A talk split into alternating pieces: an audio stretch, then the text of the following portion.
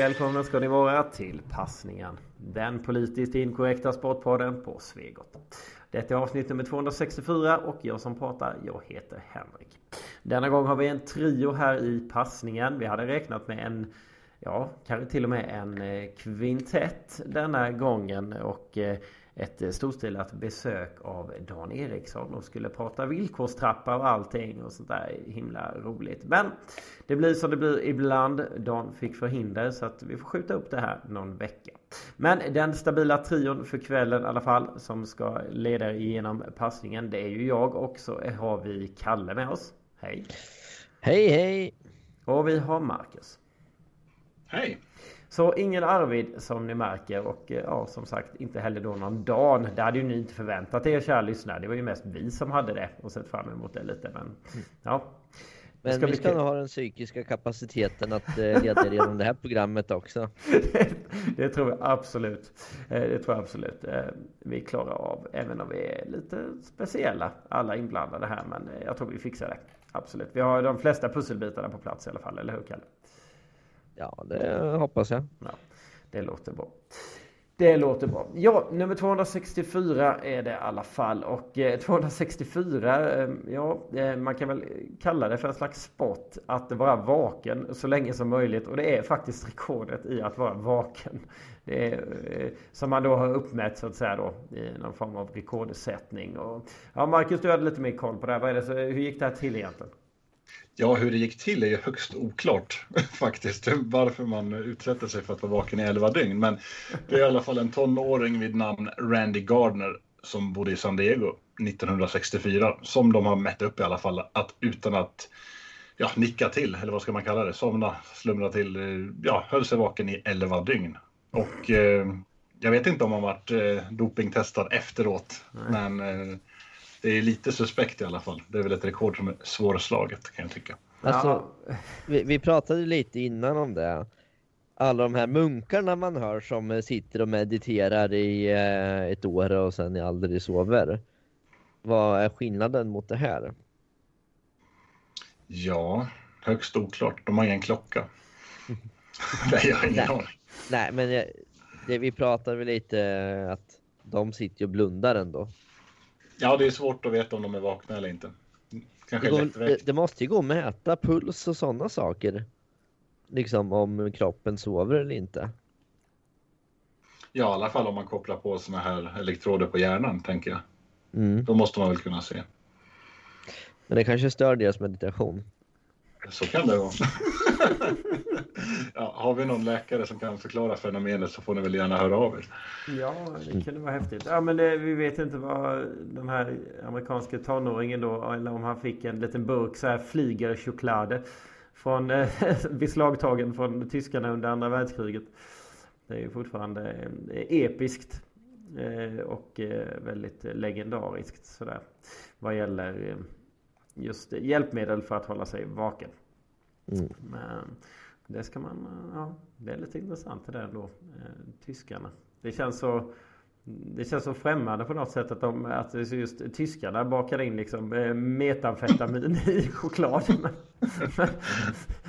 nu när man ser hur liksom vad just den där sinnebilden av någon, gärna då någon amerikan på vischan som brukar metamfetamin. Är liksom, det känns väldigt långt från en eh, tysk eh, flygvapenofficer. Typ. Men ja. Nåja, det var andra tider då i alla fall. Ja, nej, men hatten av till... Eh, vet vi om han lever fortfarande? Han som satte det igår?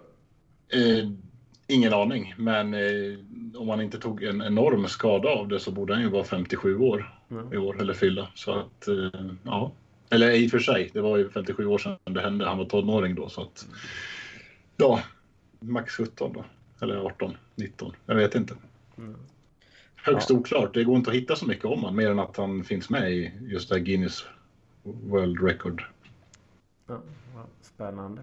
Spännande. Ja, men det är bra. Då vet, vi, vet ni där ute vad ni har för rekord att slå. Om ni känner någon gång för att nej, jag ska nog inte sova nu på eh, 11-12 dygn. Sådär. Så 264 timmar är det som räcker. Ja väl, ja väl, nåväl, nåväl. Vi har ett datum också och det är den 15 april när passningen med 264 kommer ut. Och Ja, den 15 april 2013 så drabbades ju en av de mer eh, faktiskt ganska populära så här, folkfesterna i idrottsvärlden. Nämligen Boston Marathon av en, eh, av en bomb. Eller i alla fall en påstådd då terrorbombning. Fakt, ja, faktiskt två bomber.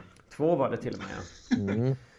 Eh, och eh, de... Eh, jag vill minnas att de som eh, anklagades för detta var någon form... Var de tjetjener eller sådär? Nej det var de inte. Eller var det något liknande? Ja, det var väl två bröder i alla fall som... Eh, ja, de hittade ju en handskriven lapp då med något motiv som man alltid gör. Man hittar ju pass eller någonting jämt. Lite lägligt. Men att det var en vedergällning då för USAs insatser i Afghanistan och Irak. Så att, eh, jag vet faktiskt inte vart de kommer ifrån. Men det var ju det 117 maratonet i alla fall som gick av stapeln då 2013. Ja. Och eh, de fick med sig tre in i döden med de här bomberna då. Men 185 vart ju skadade varav 13 fick amputera ben. Sägs det i alla fall då. Så att Ja. det är många skadade. Ja usch jag mig. Nej det var obehagligt men eh, Det är som det är i alla fall. Ja den ena av de här påstådda bombmännen är i alla fall dömd till döden sedan 2015. Som jag kan läsa mig till här så att eh, Ja nej det var ju ganska Det var ganska brutalt ändå såklart. Flera skadade. Det var många många skadade ju. Över närmare 200 skadade tror jag. Och eh, Flera stycken fick eh, amputera ben och liknande och sånt där. Så ganska, ganska otäck händelse, helt klart. Det är ganska tydligt hur, hur eh, ja, tyvärr hur just idrottsevenemang och sånt är rätt eh, tacksamma mål för terrorister. Eller för sådana som vill ja, fejka terror då, om det nu handlar om det. Jag är alldeles för dåligt på det. Ja, så jag ska inte hålla på och foliehatta här. Men... Ja, Jag är också jättedåligt insatt i just den här händelsen, men jag tyckte att den ebbade ut ganska snabbt. Faktiskt, så att man inte hört jättemycket om det, mer än att det är en årsdag. Lite så. Ja, och eh, idrott är även mål för eh, terroristerna i alla länders regeringar också så. Jo visst. Nej, det, det, det, ska vi ju prata om när vi pratar om villkorstrappan och det här med. Exakt. Ja, jag, jag tänkte mer på alla lockdowns. Ja, och det också. Där har du med en bra poäng. Men ja, Ja men det blir bra det. Ja. Vi eh, går vidare med lite annat roligt här. Eh, Roligare än Boston-bomber i alla fall. Veckans värsta börjar vi med. Och så sparar vi bästa till sen. Och det, då hamnar vi i Tyskland där eh, målvaktstränaren Solt Petry målvaktstränare i eh, den Berlinbaserade klubben Hertha i Bundesliga då har blivit, eh, ja, har blivit entledigad från sina uppgifter. Han har blivit sparkad helt enkelt. Detta för att en annan ungrare, nämligen landslagsmålvakten i Red Bull Leipzig Peter Gulaxi. Gulaxi. Han kan, nej, han kan ju inte heta Gulaxi för fan. Jo, i den här podden gör det jo då. Ja, jag uttalade det som det och, och ärligt talat är man från Ungern så måste man ju heta Gulaxi. Det tycker jag absolut. Det Ja, är, ja, ja, ja, ja, deras stjärna i alla fall, Salami Gulaxi. Som, Eh, han heter inte Laszlo eller något sånt. Det gör ju alla ja, ungar. ja, precis. Ja, jösses. Nej, Peter heter han faktiskt. Men eh, de har ju sådana här små accenter på sina namn så att jag uttalar säkert alla, eh, alla vokaler helt fel. Nåväl. Det han gjorde i alla fall, eh, den ungerske landslagsmålvakten i Leipzig, det var att han postade på Instagram om hur han och hans fru visade, gjorde ett ställningstagande kan man säga då för, som han kallar det, regnbågsfamiljer i Ungern. Alltså familjer med, eh, från olika bakgrunder då och sådär, både etniska och, eh, och religiösa men också då familjer som Ja, med, homosexuella föräldrar och sådär. Helt enkelt. Det som man då brukar kalla för, så för regnbågsfamilj. Det vill säga det är allting som inte är eh, typ vitt och hetero. Och den målvaktstränaren Solt då uppe i Berlin Eh, tyckte att det här var väldigt onödigt och eh, gå ut eh, själv på sociala medier och också i en intervju med en ungersk tidning. och säga att han tycker att det här är jätteonödigt och att, en, alltså, att han som idrottare då borde fokusera på att spela fotboll och inte uttala sig om politiska frågor som invandring och liknande. Som han skriver. Och, och som han uttrycker sig här då, eh, Solt Petri. Jag vet ändå inte vad som fick Gulaxi att stå upp för personer som är homosexuella och icke könsidentifierade. Så för, för Solt Petri verkar det vara väldigt, väldigt eh, avlägset att, eh, att liksom så att säga stå upp för de här. Eller i alla fall göra liksom en poäng av det. Och det kan man väl någonstans eh, köpa att han faktiskt frågar sig. För att sett till till Peter Gulaxis eh, fotbollskarriär så ska ju inte det här ha någon egentligen påverkan. Och, eh, ja i alla fall, men Salt fick inte tycka det som sagt var då. Utan då valde ju Hertha att, med, eh, att ta ställning i sin egen värdegrund. Där man ju givetvis eh, betonar alla människors lika värde. Och eh, alla, vad heter det? Att det ska vara så diversifierat, att människor ska vara så olika och så som möjligt. Så valde man helt enkelt att sparka de som tyckte olika. Ännu en gång. Mm. Helt fantastiskt eh, hur värdegrunden alltid agerar som ren diktatur. Alltid lite den här Popper-principen eller vad den heter. Mm. Nåja. Det var intressant i alla fall och eh, det får väl lätt gå som veckans eh, värsta. Det roliga är väl som sagt det här alltså att båda är ju, båda, eftersom båda är ungrare. Alltså, det här var ju på sätt och vis en ganska Det kändes som en rätt intern ungersk grej. Inte minst då eftersom att eh, målvaktstränaren då pratade med en ungersk tidning och sådär. Det var ju inte mycket egentligen Tyskland inblandat. Det hade ju lika gärna kunnat vara faktiskt om de hade spelat i, i ungerska klubbar båda två. Eller arbetat för ungerska klubbar. Men, ja, men då hade båda förmodligen fått behålla sina jobb. Ja, Så. det skulle jag De hade haft jobben kvar idag i alla fall. Ja. Ja, nej, det är märkligt det där att jag personligen tycker inte att eh, någon politik och eh, sport hör ihop, att man ska lämna det från, ja, frånskilt. Men eh, om någon kastar sten så måste man väl kunna svara med stenar, lite så. Kan man ja, tycka jo, i det här fallet. Jo, men jag tycker väl det också. Och någonstans alltså. Det här visar i alla fall också att det finns. Eh, att just eh, ja, många ungrare ändå har en, en inställning som inte är riktigt lik den i eh, resterande västvärlden. Om man nu räknar in Ungern där. Men det måste man väl göra tycker jag. De är EU-medlemmar och allt. Och, och just eh, att ändå, ja, det verkar ju självklart för Solt Petri i alla fall att gå ut och säga tvärt emot. Och det kan man ju någonstans eh, uppskatta väldigt mycket. Att de ändå har den. Eh, ska vi säga. Den inställningen. Att han ens fick komma till tals. Det hade han inte fått göra i svensk press kanske.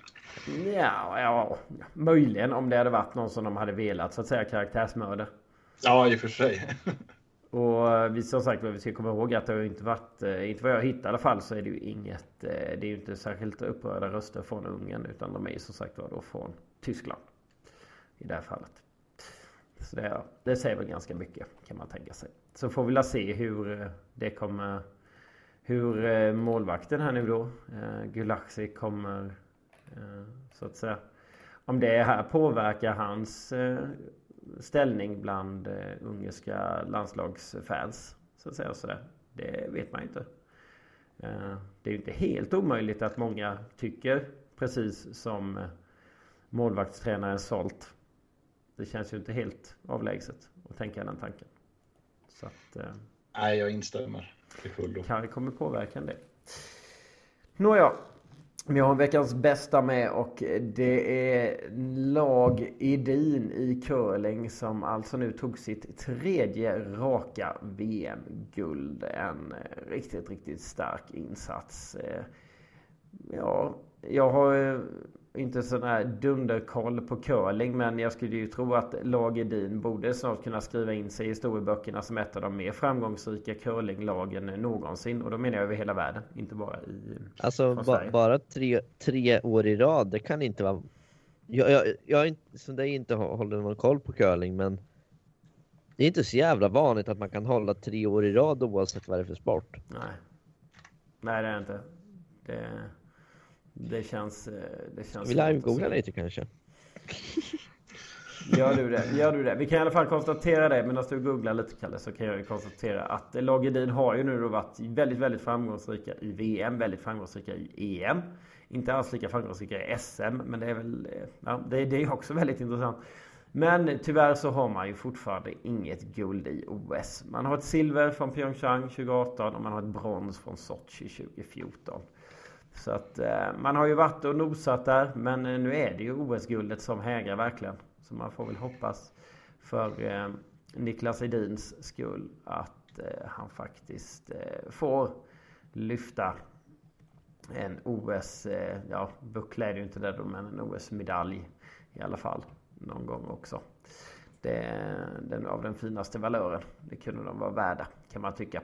En riktigt, mm. riktigt, riktigt, riktigt stor insats. Och, ja, även ännu en sport där faktiskt eh, som inte är särskilt stor överhuvudtaget egentligen ute bland de vanliga svenskarna. Där Sverige lyckas dominera med så pass lite befolkning ändå som vi har. Och, så där.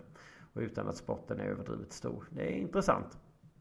Ja, vi har lite statistik här också. Mm. Maratontabellen för VM herrar eh, leder Kanada som har 36 guld totalt. Eh, och Sverige är god tvåa på 10 guld. Så det vill jag ändå säga, laget in har tagit eh, 3 av 10 genom tiderna. Ja men det är, är riktigt bra. Är, det är bra och då skulle jag alltså, för bara få jämföra det, det är lite som Uh, curling i Kanada är den näst största sporten på många sätt efter hockey faktiskt. Mm. De har Canadian football och sånt som stort. Det spelas en hel del baseball lite sådär och lite allt möjligt. Men eh, den eh, skulle jag säga näst största sporten ändå efter hockey i Kanada det är curling. Så att det är ju mm. lite på den nivån med. Man får ju ta det för vad det är där då. Och VM har bara gått sedan 59. Och när VM började så inledde Kanada med sex raka guld. Ja. Så då, det är många så här, ja. Men det gör, gör faktiskt insatsen ännu mer imponerande att de lyckas slå Kanada år efter år. Ja. Men jag ser också eh, Sverige, de, ska vi kolla sen 2010 sista tio år sista tio åren, till och med elva åren, så är faktiskt Sverige bäst. Mm. Spännande. Vi har hela fem guld de sista tio åren. Ja, det är riktigt bra. Ja, ja men det, ja. Det är inte kattskit Sverige vänner. Nej, det är det verkligen inte. Det är riktigt, riktigt eh, stabilt. Det är coolt. Det är coolt. Jag vill lyfta på hatten åt eh, Niklas Edin och hans eh, gäng där. Riktigt häftigt.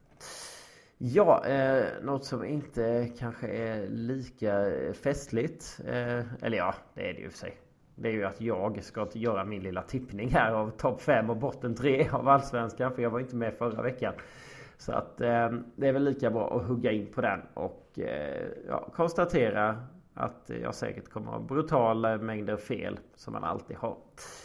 Men eh, vad tycker ni jag ska börja med? Topp 5 eller botten 3? Eh, botten. Jag börjar med botten tre och jag tar det... Ja, vi tar det bakifrån då, som flickan sa. Och så... oh, gud. nu, nu, nu, nu blev det illa här. Nu, nu. Ja, det ber jag ber, ber hemskt mycket om ursäkt. Jag får skylla på att jag börjar närma mig 40. Ja, i alla fall. Plats nummer 16. Där placerar jag ett lag som jag någonstans tycker bör eh, hamna där nu. Jag hade tyckt det kanske även om för några år sedan. Men nu är det dags för Östersund att eh, faktiskt hamna sist. Jag tycker inte att man eh, man har att göra mer i Allsvenskan. Det räcker nu. Sen så kommer man säkert klara det i alla fall. Men det är lite, ska vi säga, det är faktiskt lite en önskan också. Jag vill nog ha ner Östersund där nu. Jag tycker det, det räcker med allt det här som har varit. Så bygg om, bygg, gör om allting. Liksom ner med er nu. Det räcker. Så jag sätter Östersund på plats nummer 16. På plats nummer 15, tyvärr känner jag, det tar emot. Det är faktiskt laget som efter en omgång spelad ligger på plats nummer 15. Jag placerar Degerfors näst sist. Eh, tar som sagt var emot. Jag gillar det skarpt att de gick upp. Jag tycker det är skitkul. Jag har en god vän som är stor fan av Degerfors. Och, eh, ja. Men eh, nej, kan ändå inte göra så mycket annat. Degerfors är ett jättebra lag i Superettan. De är inte ett eh, lag riktigt än, tror jag, för allsvenskan. De, det, krävs lite, det krävs lite annat då. Jag tror att man fortfarande är väldigt mycket ett superettanlag. Det gäller i så fall snarare att eh, man ska egentligen inte bygga för att vara ett bra superettanlag igen. Det räcker med att bygga för att vara ett dåligt allsvenskt lag. Men det känns inte riktigt som det är så man har tänkt det. Så ja, jag vet inte. Jag har jättesvårt att placera dem. Jag är inte särskilt insatt heller egentligen. Men de får hamna på plats med 15 i alla fall. Enligt mig. Plats nummer 14. Där sätter jag Örebro. Ett lag som jag inte alls har varit imponerad av de senaste åren. Och visst, de har stått och stampat där liksom på ja, undre mittenhalvan eller vad man ska kalla det under en längre tid känns det som. Det är sällan det händer någonting. Jag tror generellt sett så då utgår jag bara från mina spekulationer och eh, högst, eh, högst tveksamma egna erfarenheter av lag som brukar hålla till i de krokarna att förr eller senare så pallar man inte. Och det brukar inte vara så att man då så att säga sticker uppåt utan snarare att man sticker neråt. Jag tror att Örebro får en rätt jobbig säsong. Utan att ha satt in mig för mycket i dem heller. Men... Eh, de kommer alltid nio eller tio så... Ja. ja precis. De gör ju väldigt, väldigt ofta det. Och jag tror att det nu börjar bli dags att titta neråt lite i tabellen för Örebro. För att... Det är just, det blir jobbigt till slut med. Det finns någon slags psykologi i det där tror jag. Att alltid ligga på de där platserna och till slut så brukar det rendera i att man eh, sjunker lite.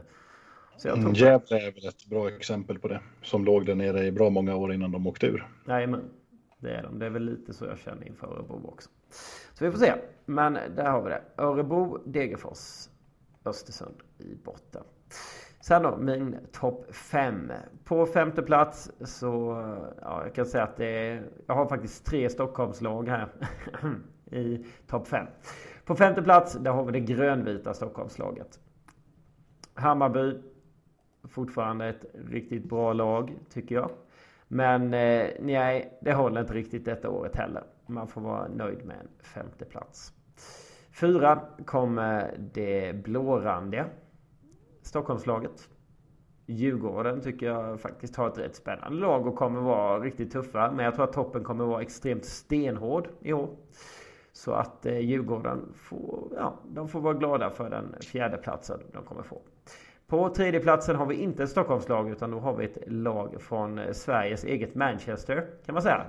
Och där har vi, placerar vi Kalles Snoka. De kommer inte högre än så här. IFK Norrköping slutar trea tror jag. Nu då, det återstår ett Stockholmslag. Var har jag placerat det då Marcus kan man undra? Ja, inte som nummer ett i alla fall om jag Nej, känner dig. Utan... det har jag inte. det har jag inte. Men det gulsvarta Stockholmslaget, ja, de, alltså de är... Skadedjur är ju svåra att bli av med liksom. Och gnagare är uthålliga och uthärdiga. Och efter lite, ska vi säga fiaskosäsongen förra året så ja, jag kan inte se AIK göra ännu en sån säsong. Man är också alldeles för bra på pappret för att vara nere och härva i skiten. Man blir tvåa i år. Och eh, vinner allsvenskan. Ja, det gör de. Ännu en gång laget från eh, den största staden i söder, nämligen Malmö FF. Där har ni min lilla tippning. Med Malmö. Ja, jo, ja. jag vet. Det, det, är tråkigt. Men samtidigt, det är, det är, men, det är lite svårt. Alltså Malmö har ju en bredd som inga andra lag har heller. Det är ju faktiskt lite så. De har ja, pengar. Som ja. inget annat lag har heller. Och, och skulle det, det gå kräftgång så då, jag menar, när det kommer att fönstret öppnar här i sommaren. Då kan ju de ta tillbaks någon gammal fixstjärna eller köpa någon som är... Nej, de har ju de ekonomiska musklerna för det för att gå för de här Champions League-platserna.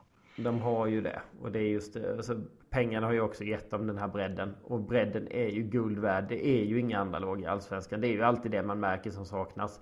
Du kan ju vara, du kan ju göra en supersäsong men så räcker det med att fel spelare går sönder och sen är det inte, sen går det inte längre. Nej, Malmö tror jag tyvärr tar det igen. Men eh, det var ingen av oss som tippade IFK Pensionär som topp 5 Nej, Alltså de är ju redan visat sig att de är ju skadade halva laget liksom och Hamsik är väldigt mycket hysch kring, kring om han hur pass han är med sin skada och påläggskalven Simon Tern är skadad så Ja. Ja, den, ja, och Simon Tern som kom in här i det här laget med ungdomlig fart och fläkt. Ja. ja, men han, han, måste ju, han sänker ju medelåldern på sina, vad är det han är nu igen? Vad sa vi? 28? 29 tror jag han har fyllt nu faktiskt. Ja, nej, nej skä, skämt åsido. Skämt åsido. Ja. Det är spännande. Nej, det är ingen, det är ingen som riktigt tror på IFK Göteborgs satsning. Det kan ju visa sig vara vi kan ju visa oss ha jättefel här. Det kanske kommer vara så att all den här rutinen IFK har fått in kommer vara extremt värdefull. Mot slutet. Men, eh, Eller så visar det sig att de inte orkar matchtempot. Ja, det också. Det är inte alls omöjligt. Nej. hade det varit förra säsongen när det var tätare spelschema, då hade de haft det riktigt tufft. Ja. Men det... i år kanske går lite bättre, men ja, jag är lite tveksam. Nåja. Mm. Nej, men vi får se vad det tar vägen i alla fall. Vi har ju en eh, första omgång men det är väl inte så mycket, inte så jättemycket att snacka om. Första omgången där brukar det ju vara väldigt eh, svajigt ja, jag, ändå. Jag kan tycka det finns en del intressanta delar ändå för det finns inget lag på 25 år som har vunnit SM-guld som har förlorat i omgång 1. Mm. Därav så kan vi räkna bort Hammarbys i vanlig ordning. Mm. Häcken kan vi också räkna bort från SM-guldet då. Och Norrköping? Nej, vi kryssade. Nej just det, ni kryssade. Förlåt ja. Du sa förlorat, du sa inte vinna. Nej det är klart. Nej just det. Exakt. Nej, nej det är klart. Nej, det, eh... finns ju, det finns ju ändå då ett gäng som skulle kunna med den eh, om den här statistiken kommer hålla i sig som ja. har chansen då. Ja, jag, jag tycker det är ganska intressant ändå att det är så talande. Visst att det är den som vinner SM-guld inte förlorar många matcher på en säsong. Mm. Men det är ändå lite så att först premiären sätter lite eh, standarden för resten av säsongen också. Jo, alltså tabellen blir ju alltid, den påverkas ju alltid, den förändras ju givetvis eh, ganska hårt under, under ligans gång. Men det ligger någonting i det och det gör det ändå. Speciellt när man hör den här statistiken så blir det lite tydligare också att ja, det är det är ofta rätt dumt att inleda med liksom ett, eh, ett tapp på tre poäng mot de som vann. Det är det ju. Det är, ja, det, det är blir, tre jävla poäng. Det blir osäkerheter i laget, det blir sämre självförtroende istället för att gå stärkt ur eller att det blir en liten väckarklocka att man inte var bra nog. Ja, undrar om det finns eh. statistik på det, men det gör det säkert. Det är nog ganska det är nog sällan något lag förlorar, ska vi säga förlorar första matchen och sen går och vinner tio raka va? Det händer nog inte så ofta. Nej, det tror jag inte, men det, det sägs i alla fall att nykomlingar är ju förbannat svåra att vinna mot i början. Och mm. i Degerfors fall då som AIK mötte i söndags här, så, eller i måndags, igår var det, då blir det ju att det sätter lite tonen för Degerfors säsong när de har den här energin i början av en säsong så kan ju de ta de här poängen som gör skillnaden från att åka ur eller stanna kvar ja. i serien. Det är ju därför de brukar hänga kvar ett år, men att andra mm. året säger man ju är betydligt svårare. Men det vill ju till att du tar de här poängen i början på ren frenesi, att du är nykomling och att du springer lite mer än din motståndare. Så att alltså, det är ju jag, verkligen upp till bevis. Jag tycker ändå det ska bli intressant att se Degerfors i år, för kollar man på det, de försöker vara ett spelförande lag men de har inte spelarmaterialet för det. Nej precis och det är lite det här jag var inne på också med min tanke. Ja men det är ju ändå mot AIK som har ett väldigt starkt, alltså starkt lag, eh, starkt mittfält liksom. Det är svårt att vara ett spelförande lag mot det här laget. Mm. Hur, det ska bli intressant att se hur de klarar sig mot sämre lag. Ja, de, jo, det, det, där kan du definitivt ta en poäng. Därför att som sagt, de är ju på många sätt och vis som jag ser det, ett, ja, det laget som de var i Superettan. Och där var de ju verkligen, de var ju dominanter emellanåt faktiskt. Mm. Och kunde verkligen äga matcher och ja, kunde få dem i stort sett dit de vill. Det är ju mycket ja. svårare i Allsvenskan. Ja, nej men det ska bli jätteintressant att se dem mot eh, lag som eh, Varberg eller eh, Halmstad, Örebro. Mm. Alltså de lag, Östersund. Det ska bli väldigt intressant. Kan de styra de matcherna? Då kommer de ju klara sig. Nu ska de möta Kalmar nästa omgång. Mm. Det kommer ju bli en väldigt bra um, värdemätare för Degerfors. Ja, Kalmar är ett av de lagen de ska ta poäng emot om de ska hänga kvar i alla fall. Mm. Exakt. Och då ska vi få se om det de gör rätt att vara ett spelförande lag eller om de bara ska satsa på att vara ett lag som tjongar upp i bollen och hoppas på omställningar, snabba omställningar. Ja, men det där är svårt också att man kommer från en superetta där man har varit totalt dominanta. Nu drog de ju ut på sitt firande att gå upp eftersom de gjorde bort sig lite i slutet där på säsongen. Jo.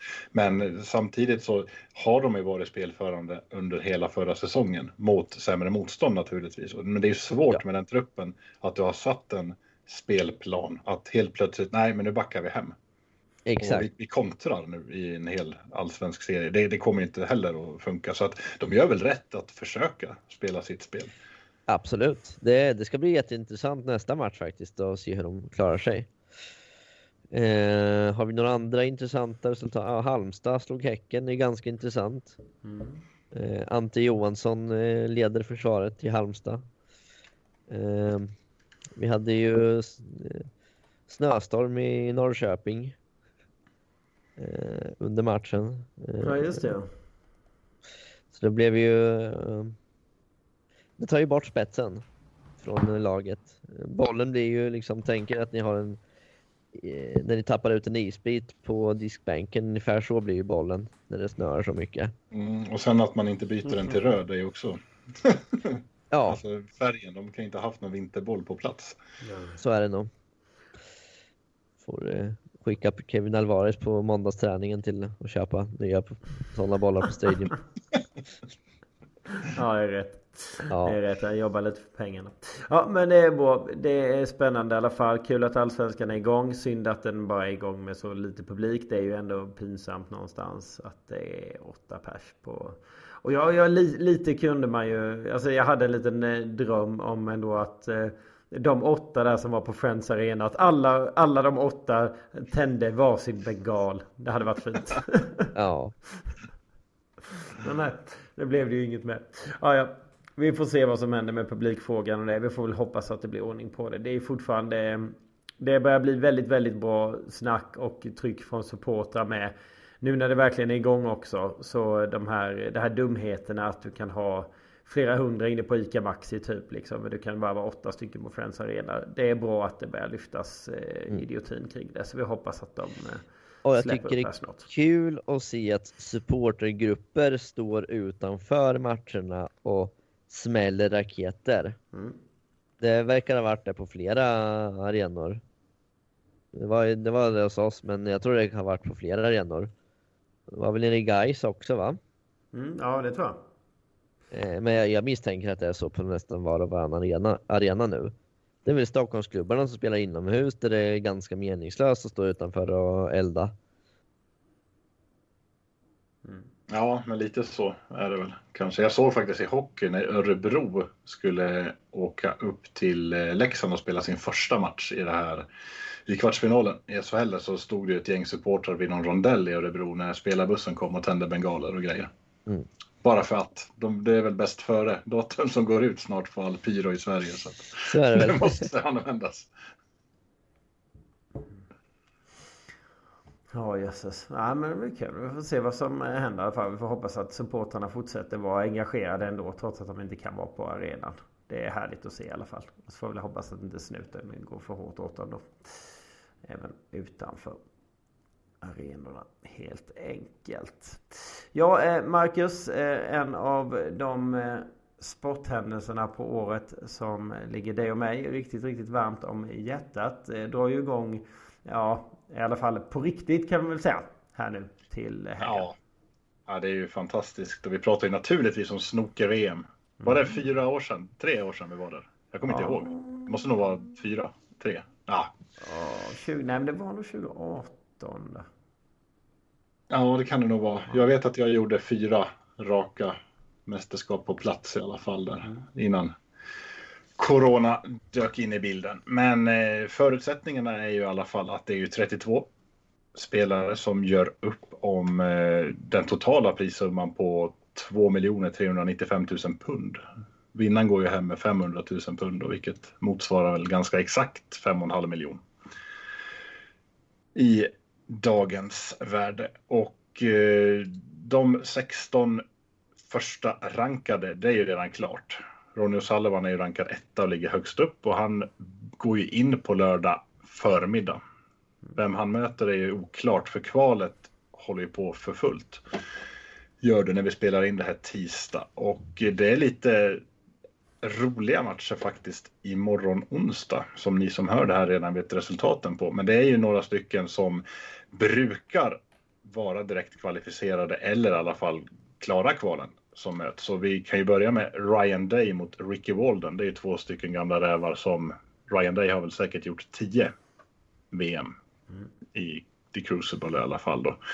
Och Ricky Walden säkert något liknande. De ställs ju då i en avgörande match. Bäst av 19 frames. Och sen har vi ju Luca Bresell. Som, eh, ja, Belgiens nummer ett då. Som ställs emot Stuart Bingham. Han vann ju 2017 kanske det var. Och eh, har gått trögt i år och eh, klarade inte topp 16 rankingen där. Då, så att någon av dem blir inte med i årets VM i alla fall. Glädjande för mig är att Liang Wenbo, en personlig favorit från Kina, var klar ikväll. Slog ut Lu Ning 10-7 så att han är klar. Lottningen tror jag sker onsdag kväll eller torsdag morgon. Vilka som ställs mot de första sidade då. Mm, i den här det börjar bli väldigt mycket för kinesiska flaggor som man ser här i sista kvalrundan i alla fall.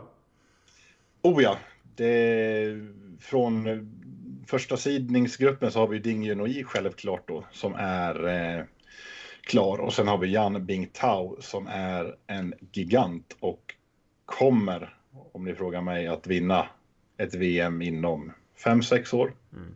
Däromkring, så duktig är han alltså. Och han kan ju verkligen ställa till det här. Vinner han sin öppningsmatch då mot sitt motstånd så får han ju med största sannolikhet möta Sean Murphy som får ses ändå som en av de stora favoriterna. Ja. Speciellt när vi spelar i Sheffield på The Crucible, när det är långa matcher. Mm.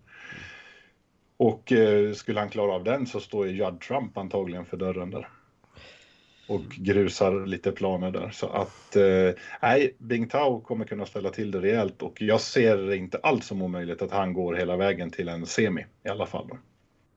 Får, får jag fråga en sak, jag som inte kan så mycket om snooker? Du sa att det blev långa matcher i Sheffield. Varför blir det längre matcher där eller vad är eh, det har med olika anledningar att göra. Det som särskiljer just VM, det är ju att du spelar bara på två bord fram till kvartsfinal är det väl. Då går man över på, mm. eller semi, på ett bord går man över då. Så att dels har du ju det, att, och det är en väldigt intim lokal. Du, du får bara plats med en 700 pers, någonting sånt, mm. inne i den där arenan. Fast nu får man väl ha noll där antar jag? Nej, de får ha publik. Däremot måste du bli testad både före och efter. Som, de har väl något snabbtest på något sätt. Det är jättedumt. Inför, förra året var det ju publik i de, ja, första dagen var det publik. Ja. Och då var ju Alan McManus tror jag som hoppade över. Han lämnade VO sen för att det skulle vara publik och sen drog de in publiken, vilket ja. var lite kul. Ja. Eh, men de kör ju, första rundan så är det ju bäst av 19 då. Det är ju först till 10 frames och det är ju långa matcher. Det är ju två sessions som man säger då. Så att Ronnys match kommer ju att spelas klart och han går in på lördag morgon och den kommer att spelas klart på lördag kväll. Mm. Eh, och sen i andra rundan är det bäst av 25. Mm. Och sen då i eh, semifinalen så har du ju bäst av 33. Och i finalen bäst av 35. Nej men det är ju, det är ja, ju men, det är väldigt men, många fler frames än om du tänker det där bäst av 19 liksom så säger din första riktiga rundan i VM. Det är, ganska, det är ganska högt. Det är väldigt många av de här ja. rankingturneringarna som inte ens har sånt i finalerna ju. Eh, om man tar Welsh Open eller någonting sånt där så är det väl oftast bäst av sju eller nio bästa 35, går det över två dagar eller ja. bränner ja. man av? Ja. Man bränner av det på två dagar. Ja. Man brukar säga att en session spelar man åtta frames. Mm. Brukar det vara. Du spelar fyra stycken, så är det T-paus och den får man inte missa. Och sen Nej. så spelar man fyra till. Beroende på hur det går då. I, det kan ju bli en väldigt, väldigt kort andra match om man säger så. Om Ronny skulle leda med 8-0 exempelvis inför kvällen vilket är teoretiskt möjligt. Då kanske det är två frames bara där. Och då drar de ju upp då den här skiljeväggen mellan borden så att du kan sitta kvar och se på matchen på andra sidan då, för du köper ju alltid biljetter till bord 1 eller bord 2. Ja, ja, ja. Ja, nej, men det är häftigt. Och man hoppas ju alltid att det blir en sån här utdragen semifinal. Det, det brukar alltid vara så att det ligger eh, i anslutning till en så kallad bank holiday. Det vill säga att det är en röd dag på måndag. En ledig dag. Och eh, många av de här klassiska finalerna vet man ju. De, alltså, de pågår ju till väldigt, väldigt sent in på måndagen. Redan då när de har börjat på, så att säga, på söndag förmiddag. Och sen så är de inte färdigspelade förrän eh, sent svensk tid på måndag kväll. Mm. Nej men du, du får eh, skriva i våran chatt när det är intressanta bra matcher. Jag, Ja, det drar ju igång på lördag. Ja. Där, och då tror jag, eh, i ditt fall Kalle, så kan ju du kolla på BBC i alla fall. och Ja, annars går det på Eurosport 1 och 2. alltså jag har ju alla, jag har alla kanaler. Ja. Så. Det var det jag menade. Så att eh, det Eh. måste över till den engelska spellistan. Men är det inte Eurosport bra med Kim Hartman menar du? Jo, absolut. Men Ja. däremot så behöver de, de behöver inte, eftersom det är alltid två matcher som pågår samtidigt då, så kan Ja. du inte välja eventuellt. Då, Ja, ja, ja. ja. Ibland går den på både Eurosport 1 och 2, men det är, ja, ja. det är väl mer ett undantag. Okej. Ja. Och sen ska man våga sig på en tippning på det här så tycker jag att just Ronny O'Sullivans halva, övre halvan, är ju betydligt enklare än den nedre. Rent spontant. Att han stöter ju på ja, Higgins eller Selby först i en kvartsfinal. Mm. måste det väl bli. Eller vad säger du Henrik? Har du någon favorit? Ja, jag vet inte. Alltså det här är lite svårt eh, kan jag väl eh, tycka nu igen. Jag hade gärna sett Mark Allen gå långt. Tror inte han kommer att klara det. Jag, tr- jag tror faktiskt lite att eh, den, den vegetarianska australiensaren kommer, kommer göra en riktig höjdarturnering. Jag har, en, Mm. kä- jag har en känsla för Robertson här nu. Och vi får la se om den, om den håller eller inte. Sen Mark Selby ska ju aldrig heller räknas bort i de här turneringarna. Jag har mycket svårt att se Selby åka ut innan en semi. Ja, han möter ju eventuellt Mark Allen där i andra rundan och eh, ja, Allen är ju, han kan vara bäst i världen eller sämst i världen beroende på vi- vilken sida han vaknar på. Ja men Selby är Mm. jädra, alltså han är en jävel på att kämpa. ja, vad men just vi- under de här långa matcherna när du har råd att ha tre dåliga frames, då brukar han och speciellt en sån som John Higgins som verkligen växer in i turneringen. Mm. Ja, ja. Higgins ska ju heller aldrig räknas bort och inte för den delen den gamle Mark Williams heller. De eh, gamla rävarna, han och Sullivan med. Alltså de är, de är fortfarande så jävla bra. Det är så roligt också med den här turneringen för att det blir ju så... Det blir ju gärna eh, så att du faktiskt får se en riktigt så gammal räv mot någon av de här yngre. Till exempel då, ska vi säga, eh, eh, Bing Tao. Ja, precis. Vi har ju Mark Davis som varit klar idag också. Då. Han är ju 48 har varit med sedan länge och han har ju faktiskt gjort det högsta breaket i det här kvalificeringsstadiet nu då, med 143. Ligger han på tätt följd av Matthew Selto som har 142. Men han har ju gjort en 137 och 135, 110, 110, 106 så att han verkar ju vara i form där i alla fall. Selt, klart. men jag tror inte han vart... Jo, han slog ju ut eh, en skottare med 10-3 så han är också klar för VM. Och nej, det som är så fascinerande det är att touren har ju växt något oerhört just när det kommer till kvaliteten. Att det är fruktansvärt tajta matcher. Går man tillbaks tio år så var det ju först i kvart och semifinal det varit intressant på riktigt. Men nu är det ju intressant från runda ett verkligen. Ja men det det. Nej det ska bli riktigt eh, kul att se faktiskt. Vi ser vem som vinner där.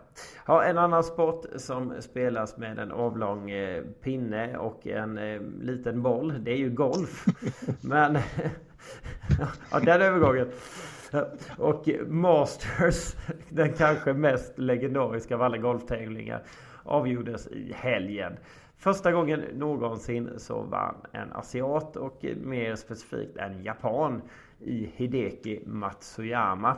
Det blev spännande då mot slutet. Han inledde dagen med att leda med fyra slag och ett tag hade han en femlags, eh, femslagsledning. Men det började minsann darra hårt i nerverna mot slutet för Matsuyama som radade upp bogeys på, eh, samtidigt som hans eh, hårdaste konkurrent Gud, nu tappade jag namnet här.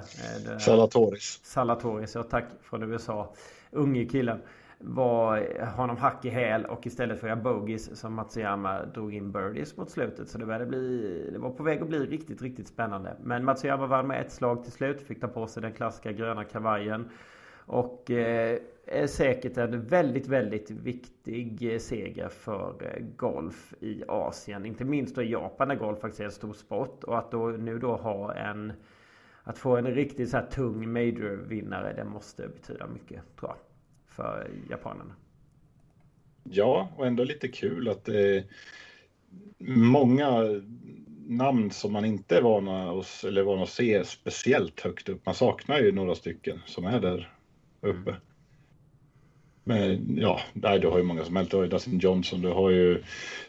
Jag trodde ju att eh, någonstans Justin Rose skulle gå. Vi skrev ju lite om det innan sista rundan där, att han skulle göra en sån här monster sista runda, men det såg vi inte komma alls. Nej.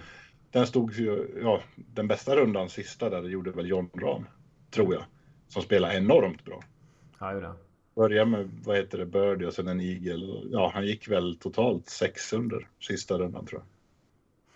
Ja, nej, men det som var lite en riktigt, riktigt spännande tävling och eh, jag tycker det är kul just det där med nerverna i golf. Det blir så himla tydligt för just eh, Matsuyama då som hade varit, eh, han hade varit eh, alltså som is i venerna de tre första rundorna och så går han in i fjärde, leder med fyra slag.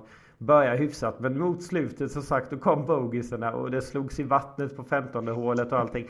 Nej, det är så kul att se det där för att det blir så oerhört tydligt i en sån sport att Jädra om du bara, om du bara tappar fokus för en halv sekund. Så kan du tappa hela tävlingen även om du har en stor ledning. Det är så Alltså det, det är jävla häftigt ändå. Golf och snooker är lite lika där på sätt och vis. Du får inte liksom tappa de där millimetrarna ens. För det kan, vara, det kan kosta dig. Absolut. Och det, nej, det påminner mycket om varandra just positionsspelet. Mm. På ett sätt som är liksom nyckeln. Även om du gör ett jättebra långt utslag så spelar det ingen roll om du har ett träd i vägen. Nej. Nej men det var en härlig turnering. Det är det alltid. Masters är väldigt speciell. Och eh, kul ändå att det var faktiskt levande hela vägen in. Det är ju det bästa. Och man ska väl säga att eh, jag, hade, jag unnade absolut Matsuyama segern. Men det är klart att man lite hoppades på att han skulle missa ännu mer mot slutet. Så att eh, ett särspel i Masters eller liknande tävlingar är ju fantastiskt kul att följa. Om man tittar på golfen. Det är få saker som är så eh, intensiva och så riktigt, riktigt krävande för de deltagande som att verkligen ställas i ett särspel. Det, det är häftigt värre. Så det hade varit coolt. Nåväl, bra var det i alla fall, hur som helst. Ja, Elitserien i speedway kommer inte köras eh, som det var tänkt, Kalle? Nej, eh, den skulle startat 4 maj, men man beslutade att skjuta upp ligastarten till 1 juni i hopp om att man kanske kommer få ha publik då. Mm. Eh, inte fullt med publik, men eh, lite publik i alla fall. Och jag tror de är alldeles för optimistiska att det här är bara trams. Ja. Plus, plus att eh, Svemo tydligen har förbjudit starter i tävlingar på grund av att man inte vill belasta sjukvården. Vilket ja, okay. också känns så jävla löjligt. Mm. Ja. Ja, ja. Eh, det är som det är. Vi vet ju vilken... Eh, ja, vi vet ju hur löjligt det är med allting som pågår nu här och eh, vilka... Ja, vilka, vilka, vilka konstiga beslut som tas. Det är ju, det är ju tråkigt. Mm. Men ja. Jag, jag, jag, tycker så, jag tycker ändå det är konstigt. När man har haft över ett helt jävla år på sig att fundera på hur man ska göra. Och sen kommer man liksom eh, inte ens en månad innan seriepremiären och säger nej, vi skjuter upp. Alltså det är så dumt. Ja. Det är så oplanerat. Det är så typiskt för den här sporten tyvärr. Ja, det är synd. Det, det är trist. Vet vi hur det ser ut i de andra länderna? Polen till exempel? Nej, där kör man för fullt. Eh, jag vet inte hur det är med publik faktiskt. Jag, det var premiär i helgen men jag har inte kollat något faktiskt tyvärr.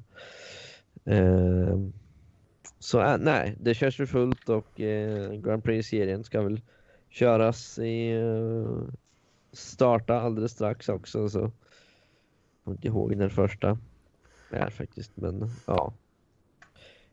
Äh, jag tyckte, jag tyckte att det var så förbannat tråkigt att inte få se live så ja, det är jag vet klart. Ja.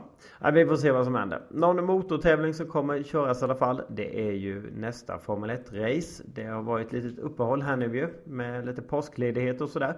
Men eh, på Imola-banan, eller ja som den heter officiellt, Autodromo Enzo Edino Ferrari. Alltså Enzo Odino Ferraris eh, autodrom helt enkelt i Imola. I Emilia Romagna. Eh, mellan Bologna och eh, San Marino ungefär. Va? Får man väl säga. Mm. Att det ligger. Där, där ska man köra i alla fall. Och eh, en klassisk, eh, klassisk bana, Kalle ju. Och Marcus, du är också gammal F1 eh, entusiast. Så du, ni är väl väldigt insatta på den här. Som jag förstått det så har man ändå ändrat en del från det gamla va? Jag vet ju efter, efter sen av det så gjorde man ju om den här vad heter den? Den här långa den här kurvan. Att man gjorde den lite mer som en chikanliknande. Just för att det gick för jävla fort helt enkelt. Och, sådär. och så har man Ja. smalnat av banan lite med va? Den är inte så... Det där brukar de ju göra hela tiden tycker jag. Alltså i mindre etapper då. Det är väl samma som Monza har de väl byggt om i etapper hela tiden. Så att, Ja. eh, jag vet ärligt talat inte hur den såg ut på den tiden kontra idag. Men just Ja, de, eh, de anpassar ju banan efter bilarna. Ett tag där var det ju, jag vet ju att de här verkligen höghastighetsracen när de körde borta i USA och sådär. På mer eller mindre Indycar-banor eller Nascar. Då var det ju, de, det var, jag vet att det var något år de alla lag, eller alla lag, alla team förutom de som körde med Bridgestone på den tiden då. Det var väl Michelin och Bridgestone tror jag som det var två däcktillverkare då. Och Michelin-däcken small ju hela tiden under träning, kval. Så att racet kördes bara av bilar med Bridgestone och ett av de teamen var ju Ferrari då. Och eh, alla ville ju naturligtvis att de skulle sätta upp någon chikan som det senare vart på den här banan då. Un, inför racet, men eh, det nekar ju Ferrari såklart. Naturligtvis. Så att nej, det, det händer väl saker hela tiden och att de förbättrar eller försämrar banorna eller gör dem svårare, mer utmanande. Exakt. Ja, men vi och det var ju för, det var väl första gången förra året på ganska länge man eh, körde där igen. Var det väl va? Mm, men jag tror, att, eh, jag tror att du har rätt i det. Jag vill också minnas att det är så jag har förstått det här.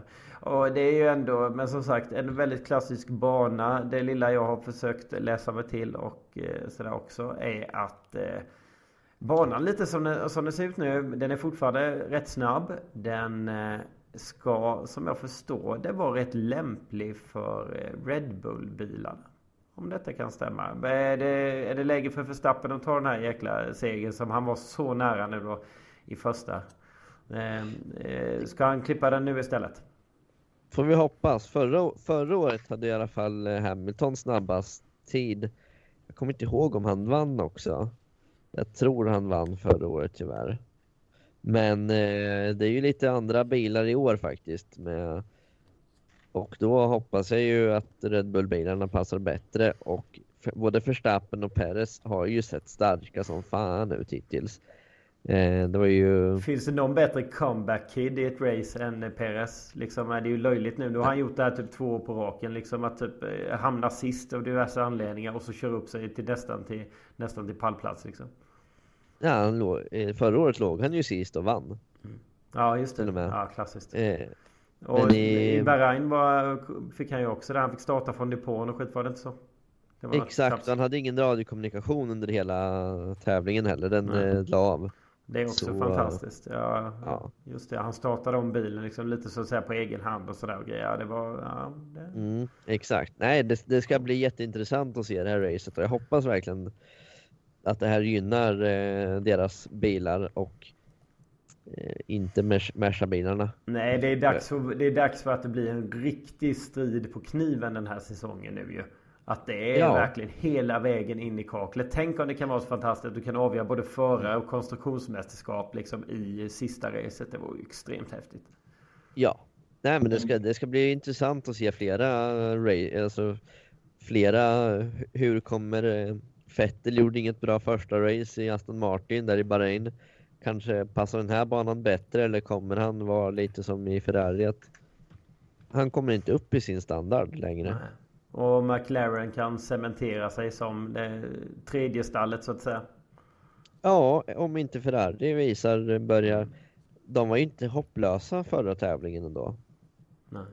Så det, det de. De, de är inte topp två Ferrari, det är de inte. Men eh, de kan nog komma upp till eh, slåss om trean, det tror jag absolut.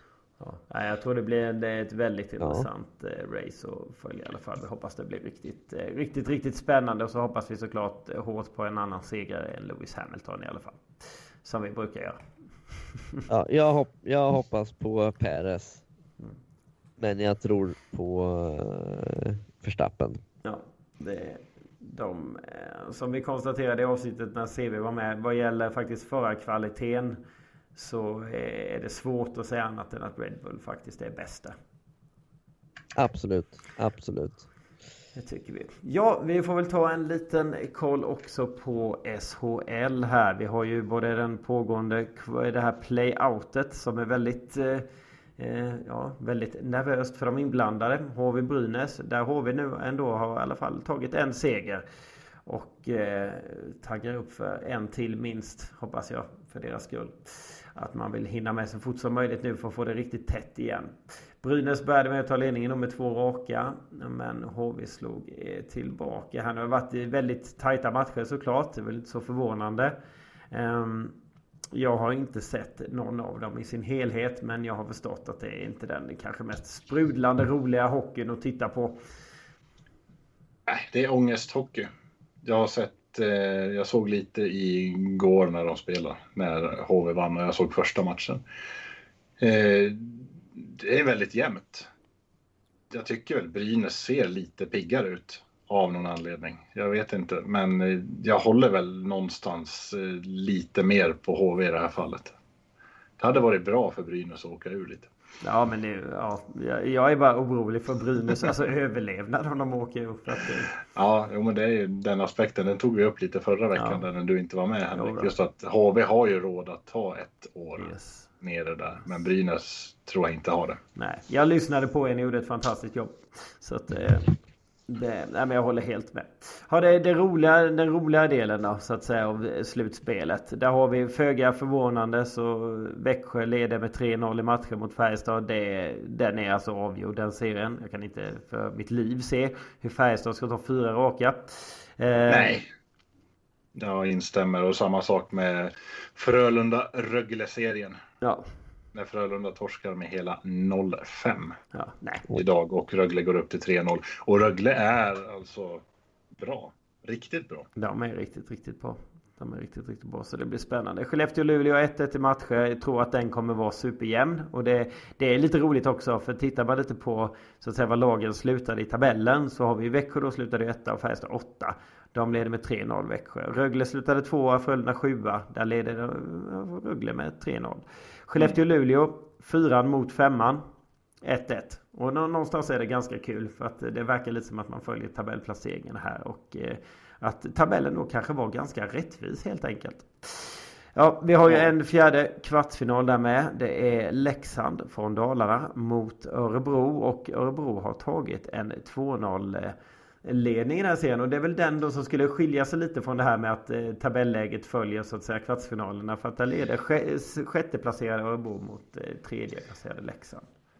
Ja, det är, det är väl många komponenter här men generellt sett så är Örebro ett lag som Leksand har enormt svårt för. Jag tror att de vann eller tog sin första trepoängare mot Örebro någonsin den här säsongen. Mm tyckte jag att jag läste någonstans. Bara där, det talar jag om lite för att, eh, ja, för Örebro naturligtvis då, att det är ett svårt lag att möta just för Leksand av någon anledning. Och så där, det ser man ju ibland. Mm. Också, jag vet ju att AIK i hockeyn hade ju enorma problem med Tingsryd. Ja. Och Vita Hästen. två sådana lag som inte går att vinna mot. Nej. I princip. Det är, vissa lag passar andra jättedåligt. Alltså, eh, 2-0, de har vunnit. Nej, och de har ju vunnit två stycken matcher nu i Dalarna. Nu vänder serien, de åker till Örebro. Jag ser väl inte någonstans att Leksand ska kunna vända det här. Nej. Det kan ju, jag tror inte att de blir nollade med 4-0 i matcher, men jag tror nog att det blir en 4-1 eh, kanske. Däromkring. Lite nackdel kanske för, eller en fördel, jag vet inte hur man ser på det. Vi säger att eh, de här tre av fyra matcherna blir eh, klara ganska omgående här nu. Mm. Och Luleå och Skellefteå kämpar inte, för den, den serien kan jag definitivt se går till en 6-7 matcher i alla fall. Ja, gud ja, det tror jag med. Jag tror det blir men, men har man en fördel att ha, kör man sig trött eller är det en nackdel att inte spela?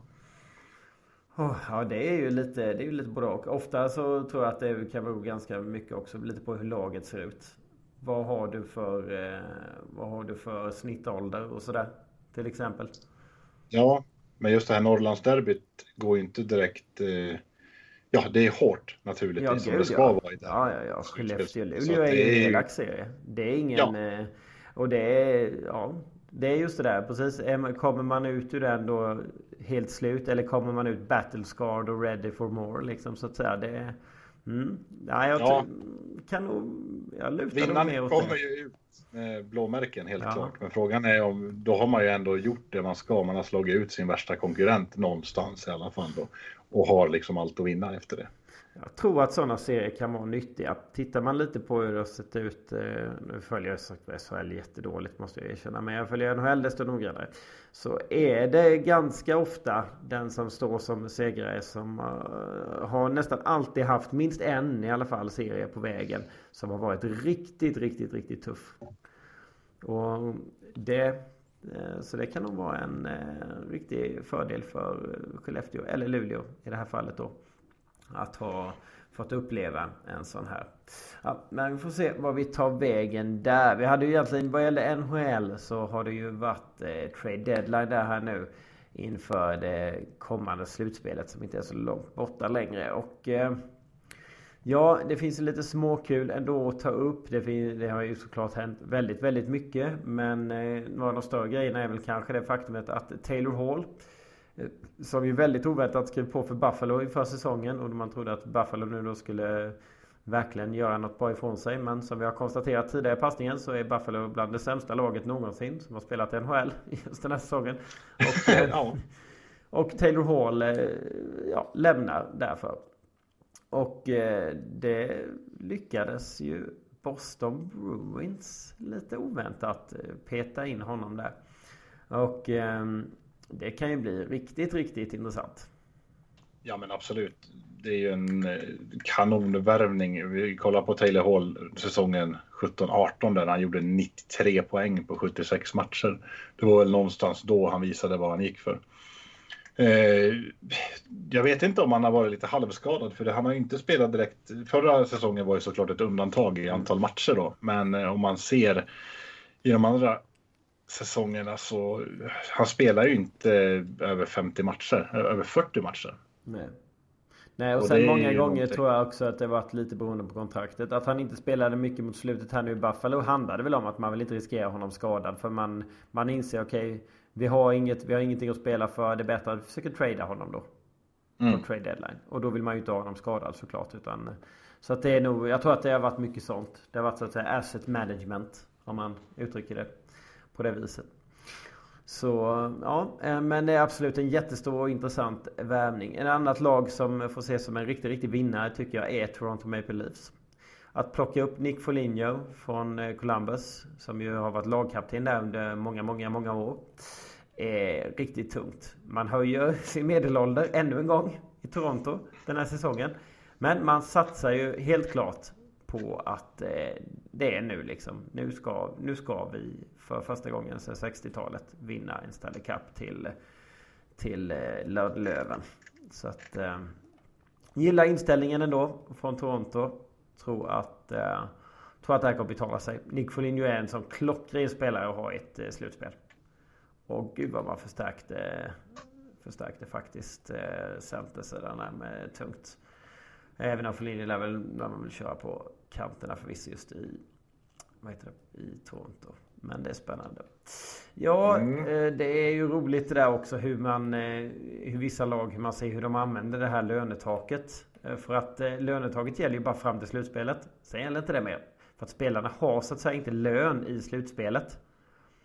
Så att då gäller inte lönetaket. Så ett lag som Tampa kunde ju plocka, ändå lyckats ta in backen Savard här från Blue Jackets. Så det tror jag man gjorde väldigt rätt i. Och samtidigt då så i och med att man har Nikita Kucherov på långtidsskadelistan och, och jag lovar, jag sätter tusen spänn på att som av en som bara av en riktig tur och slump så kommer Nikita Kucherovs skada upphöra precis i samma sekund som slutspelet börjar. Mm. Och det är jag nästan, nästan säker på. Men jag tror att man medvetet när man märker att en spelare då som kostar väldigt mycket pengar ändå drar på sig en skada. Då tror jag man gör allt för att den där skadan ska vara så länge som möjligt. Om man ändå den ska inte säker. läka. Nej, den ska inte läka innan slutspelet. För när den väl har gjort det som sagt, då gäller inte lönetaket längre och då kan man ha Då kan man ligga hur högt över lönetaket man vill egentligen. Så att eh, jag tror att det här är en... Ja, det är, en, det är lite ful och rackarspel här av Tampa, men det är som det det är alla lag gör så, så det är inte bara dem. Men i deras fall är det väl ganska tydligt just för att de är det laget som... Eh, jag tror att de hade, alltså det handlade bara om några få dollar. Det var inte så några få tusen dollar eller någonting. Det handlade om några få dollar bara som de var under ett lönetak. Liksom, då är lönetaket så här 70 miljoner dollar eller någonting. det var extremt välbalanserat liksom. Får ligga exakt så här. Så att det, ja, det är rätt häftigt. Men, men de blev inte sämre i alla fall, Tampa. Utan de blev eh, ja, fortsatta Nej. jättefavorit skulle jag säga. Ihop med, ihop med, tycker jag nu då, Toronto Maple Leafs. Det måste man väl ändå säga.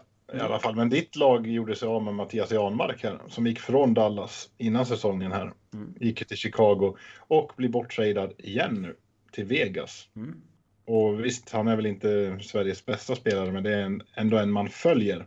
Han är en grym slutspelsspelare skulle jag säga. Och jag tror att Vegas, ja. jag tycker faktiskt att Vegas gör det klockrent här. Chicago försöker, vi är precis utanför just nu slutspelsplatsen och det hade man ju inte räknat med. Jag trodde Chicago skulle vara, eh, alltså, ta, slåss med Detroit om att komma sist i divisionen. Så att, eh, det får man vara tacksam för. Eh, tror dock att John Mark ska vara glad för det han får. Vegas är brutala i slutspel. De kommer vara det igen. De har varit det ända sedan de, eh, ja, sedan de startade sin NHL-resa. Och det är inte många år sedan. Men de har varit eh, riktigt, riktigt tunga, elaka och svåra och tuffa att möta.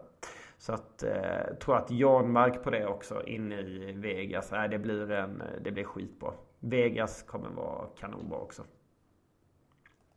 Så de, nej, det finns jätte, jättemycket att gå igenom. Det hinner vi, vi hinner inte titta på mer. Men det är i alla fall några intressanta, tycker jag, grejer att lyfta. Absolut. Något annat som är riktigt intressant och eh, som man ser väldigt, väldigt sällan. Bra mycket mer sällan än vad man ser trades i NHL. Det är ju att någon i bowling lyckas göra en 7-10. Alltså helt enkelt dra en spärr där kägla 7 och kägla 10 är de som var kvar. Och eh, ja, eh, Kalle, du som är bowlingentusiasten och experten här. Kan du förklara lite mer? Vad är en 7-10 sådär? Och hur ovanligt är det? Och hur ovanligt är det att man sätter den? 7-10 är alltså de två käglor som är längst ifrån varandra. De som är längst ut i hörnen kan man ju säga. Eh, den eh, är ju inte helt lätt att ta för du måste ha tur för att kunna ta den. Och du måste vara på rätt i rätt hall. Och det kan till och med vara så att du måste vara på rätt bana för att du ska kunna gå. Det kan vara saker som när eh, duken bakom är bytt, hur pass stum den är, hur pass mycket, alltså det, det är liksom bara ren, ren tur. Men här var det en eh, i PBA, en tonåring, en ginger som kallas tydligen för eh, The Ginger Assassin. De är så duktiga på att sätta, eh, sätta smeknamn i USA. Eh, Neuer Makes, har faktiskt inte sett honom innan, eh, som eh, ställde den i en tv-final och eh, lyckades ta den och han var den första på 30 år som har tagit den i en tv-final. Mm. Eh, men eh, den har ju... Men som sagt, det är inte så ofta den ställs i tv-finaler för de är så pass duktiga så den ställs väldigt, väldigt sällan i tv-finaler. Och eh, när man väl, eh, ja, det gäller att ha tur, man måste spela med lite kraft, vilket han har i sin, sin bössa såklart. Eh, ja, vad ska man säga? Det är inte ofta man tar det normalt sett heller. Men det, går alltså bara, det går ju bara att göra så att säga via, med hjälp av den ena käglan, eller hur? För Ja, den måste, ja, den, du måste träffa på käglan, eh, någon av käglorna så att den studsar i hörnet i, eh, på, bakom i maskinen så den studsar upp snett uppåt kan man väl säga. Eh, det finns, eh, det, det går på ett annat sätt också men det är det, är det vanligaste man ser. Så, ja. Och, och som sagt, det, det kan bero på hur eh, stum träskivan bakom är. Men om man har ett superlätt klot och, en, eh, och den brutalaste skruven någonsin, går det inte då? Nej, nej inte, inte, inte de två. För, för den kommer att ha skruvat, skruvat ut långt innan i så fall. Okej. Du kommer aldrig kunna få ner bollen till kägla 10 med så mycket skruv. Eller kägla 7. Utan då kommer du ha varit, hamnat i eh, motsatt denna långt, långt tidigare. Mm. Så nej. Eh, nej, det är så det är. Eh, så det är väldigt häftigt och det har blivit en liten snackis på, ja, gått lite viralt på lite alla möjliga ställen. Jo men det är, Det är klart, kul. det förstår man ju för det säger ju sig självt. Varenda människa som någon gång har försökt spela bra har ju, har ju Alltså man vet ju någonstans att ställer man en 7-10, okej, ja, då får man vara glad om man får ner 9 käglor den rutan. Ja, ja, ja, det är, det är alla. Även uh, tävlingsbowlare. Det, det, det är ingen som räknar med att ta den. Det är så pass svårt. Eller svårt. Så mycket tur det krävs. Ja, jo men det, som du säger så, så verkar det ju det. Beror det också, så du, du pratade om den här duken och det. Men banan Mm. också i övrigt, är det också är det olika beroende lite på vad det är för lutning? För det har du, vet jag du har pratat om tidigare, att lutning och sådär kan ju diffa lite också från bana till bana och vad det är för underlag och vet, så. jag, jag vet inte om det har så mycket med det här att göra riktigt. För spärrklotet sp- slänger du ner ganska rakt. Så det, det har nog minimal skillnad men jag skulle snarare säga det har, har snar, det, det kan också ha att göra med hur pass nya och gamla käglorna är. Okej. Äldre käglor är ju mer slitna och väger mindre. Så de flyger lättare. Eh, och vilken kägelmärke det är och sådana saker. För, ja, men de, de kan väga olika mycket. Ja, ja, vad roligt. Eh, Ja. Men du, du, så att eh, det är helt enkelt, eh, det går inte att göra en sån här 7 på alla banor som du var inne på. Nej, alltså. Jag ska, inte, jag ska inte säga att det finns någon bana det är omöjligt på. För, för det, då, då, då, då, bli- då blir man säkert mo- motbevisad. Men det är vissa banor det är mer sannolikt att ta den på om man säger så. Mm. Eh, och en del är väl nästintill omöjliga men det är säkert någon jävel som lyckas ändå. Men Ja. Men det var väl kul att det hände i alla fall. Det blir ju i alla fall lite, det blir det i alla fall lite drag och lite snack om bowling här igen. Ja, ja alltså det är ju, det är ju, det, det är lite show att eh, sätta en sån, det tycker alla. Ä, även om alla tävlingsbolare vet att det är tur så det, det är show och alla, alla blir glada när man ser det så det är självklart. Det är kul. Ja, det är gött det. Ja, jätte, jättesnabbt i alla fall så tycker jag vi får ta en eh, liten titt på kvartsfinalerna i Champions League också. Som eh, pågår här. Vi har inte satt in oss särskilt mycket i vare sig gruppspel eller åttondelar. Men nu står vi i kvarterna och eh, ja, kvartarna är snart klara här med Marcus. Mm. Ja, när det här släpps så är det klart. Eh, lottningen har jag ingen riktig koll på när den äger rum. För det är väl lottning nu i alla fall, även till semi va? Ja, det tror jag. Ja, Eh, precis. Så har jag förstått det med. Men nu får jag se. Men eh, vi kan väl... Paris eh, Saint-Germain vann ju oväntat eh, borta mot Bayern München med 2-3 eh, förra veckan. Vilket gör att Bayern måste vinna med 0-2 ikväll för att ha en chans att gå vidare. Och nu, just nu när vi spelar in det så är det minut 87 och eh, Bayern leder med 1-0 så att hoppet lever. För tyskarna där. Chelsea vann sin första mot Porto med 2-0. Där står det 0-0 så att vi får väl i alla fall se Chelsea som vidare där. Ja. Sen har vi två matcher imorgon där som är, eh, jag ska inte säga klara, men eh, vi har ju då ett Real Madrid som eh, piskade Liverpool på hemmaplan med 3-1. Mm. Och returmöte på Anfield. Vi vet att Ramos har testat positiv för corona. Han blir inte med, vilket är en jätteviktig spelare för Real Madrid. Och speciellt det märks och har märkts tydligt nu under de senaste åren att de har problem med försvaret. De släpper in på tok för mycket mål och utan en Ramos, ja, det finns väl i alla fall hopp för Liverpool. Det är, det något lag som kan gå in och vinna med 3-0 så är det väl kanske Liverpool där. Mot ett Real då. Mm. Och sen har vi då sista matchen där och det är ju då Dortmund som ställs mot Manchester City. City vann väl första där med 2-1. Och den måste man väl ändå säga lever i allra högsta grad. Det tycker jag. 1-0 eh, borde ju räcka för Dortmund då. I egenskap av eh, ett bortamål. Ja precis. Nej, de, var, de ska ju vara nöjda med att de fick med sig ett mål från eh, Manchester faktiskt. Det tror jag. Det, ja. det kan ju vara hela hela grejen som avgör. Så att man har det lite i händerna på sig själva på hemmaplan. Så ja, nej, Dortmund är definitivt inte uträknade. Och ja, i och med skadorna där eller, eller bortfallen i Madrid så är väl inte Liverpool det heller. Även om de har en bra mycket svårare eh, Ja, Real går ju sällan mållösa från plan. Ja. I alla fall. Så kan man väl säga. Så att det kan man säga. Det kanske inte ens räcker med tre mål för Liverpool. Nej. Nej, vi får verkligen se vad som händer där. Det kan bli spännande i alla fall. En, eh, och det känns ju lite känns ju lite märkligt någonstans ändå att ha en att ha kvartsfinaler i eh, Champions League utan Barcelona. Men eh, man kan få vänja sig vid det. Jag vet inte. Jo, men det har vi väl varit inne på lite också där att det är ju. Jag vet inte om ni såg El Clasico som gick av stapeln här. Nej. Eh, Real var riktigt bra och då tycker inte jag Real rosar marknaden jättemycket med sitt spel idag. Har inte gjort på lång tid, men Barca visst, de försökte forcera fram någonting, men det gick inte. Och nu ligger det är väl båda Madridlagen har väl samma poäng nu om inte jag helt.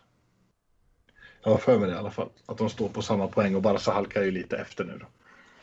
De hade behövt vinna den. Men nej, vi har ju varit inne på det i de här större ligorna. Vi, det är bara att kolla på Serie A nu att Juventus har de ens en teoretisk chans? Ja, det kanske de har fortfarande. Men eh, det är ju Inter som ser ut att gå och ta hem den där i alla fall. Då. Vilket är kul. Det är bra för sporten någonstans. Det är väl som om man drar parallellen med Formel 1, att det är nu det måste hända någonting. Ja. Hamilton kan inte vinna. Nej. Det är liksom döda sporten på ett sätt. Ja, men, nej, men det är sant och det är gött att se de här skiftena ibland också. Som sagt, alltså, inte, alltså, i spanska fotbollen har det varit brutalt så länge så att eh, det är väldigt positivt faktiskt. Ja, får inte tala om Tyskland. Nej, nej gud nej. Absolut. Bayern prenumerera på det där. Nej men det är gött det eh, I alla fall. Eh, vi satt lite inför här ju detta avsnitt av passningen när vi insåg att Dan inte skulle vara med och prata villkorstrappa och sådär. Att, eh, undrar om vi har någonting att prata om? Eh, det hade vi definitivt. Vi har gjort ett väldigt långt avsnitt ännu en gång om passningen. Se, och vi hoppas att ni är kvar.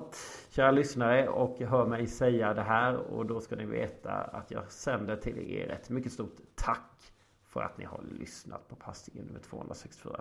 Stort tack till Kalle och Marcus också som var med. Tack, tack. Så hörs vi nästa vecka. Ah, kanske förresten igen. Det märker ni. Ha det så himla gott. Adjö.